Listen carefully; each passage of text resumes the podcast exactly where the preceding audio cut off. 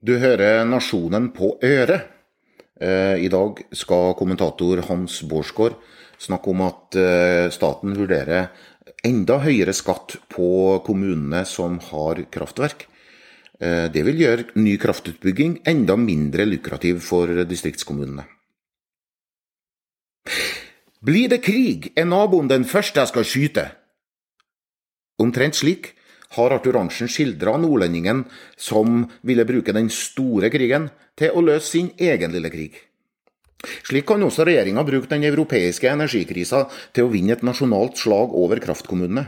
Det tyder i alle fall eh, et lekka brev eh, fra ordførere på Sør-Vestlandet på. Staten får allerede brorparten av verdiskapinga fra norsk kraftproduksjon. Det skjer først og fremst gjennom direkte eierskap til om lag halvparten av alle norske kraftverk. Produksjonsinntektene til Statkraft økte fra 10 til 25 milliarder kroner første halvår i år. Kommuner og fylkeskommuner eier om lag 35% av produksjonen, som f.eks. Lyse Energi, som eies av 14 kommuner på Sør-Vestlandet. Eh, de her eierne kan imøtese eh, utbytte fra et resultat på 1,5 milliarder kroner første halvår i år. Nå vil staten ta deler av dette utbyttet, eh, ifølge et brev som er omtalt i VG i helga. Et knippe Arbeiderpartiordførere har skrevet dette brevet til sitt eget parti, og advart mot at staten inndrar enda mer av verdiskapinga i kommunene deres.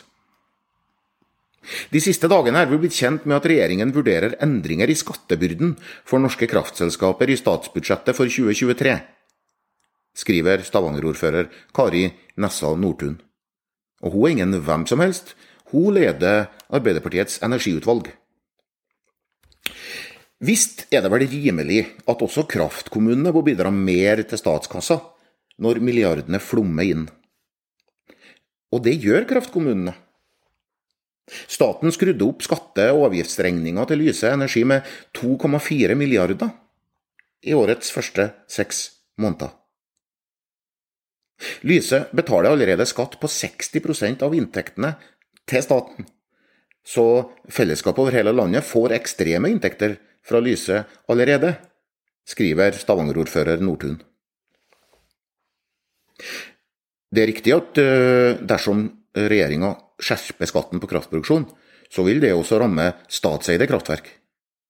Men for staten som eier vil det bety et nullsumspill.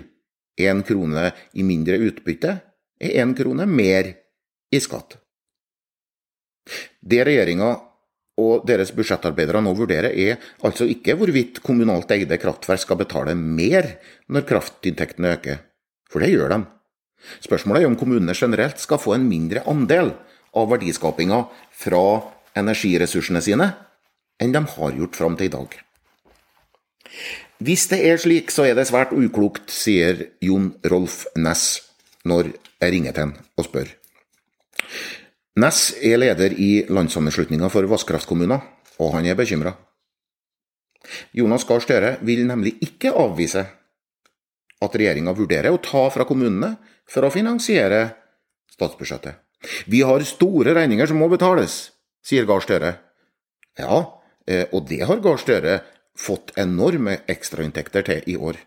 Blant annet 2,4 milliarder ekstra i skatt fra Lyse. Også norske kraftkommuner har regninger som må betales.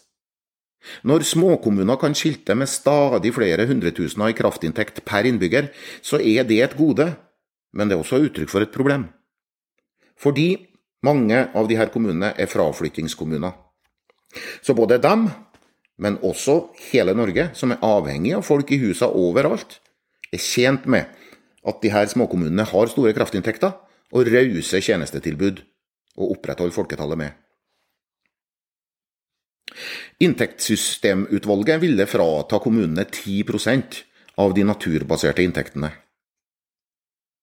Da sa kommunal- og distriktsminister Sigbjørn Gjelsvik fra Senterpartiet at citat, lokalsamfunn som stiller sine naturressurser til disposisjon for utbygging, skal få mer igjen for det. Citat, slutt.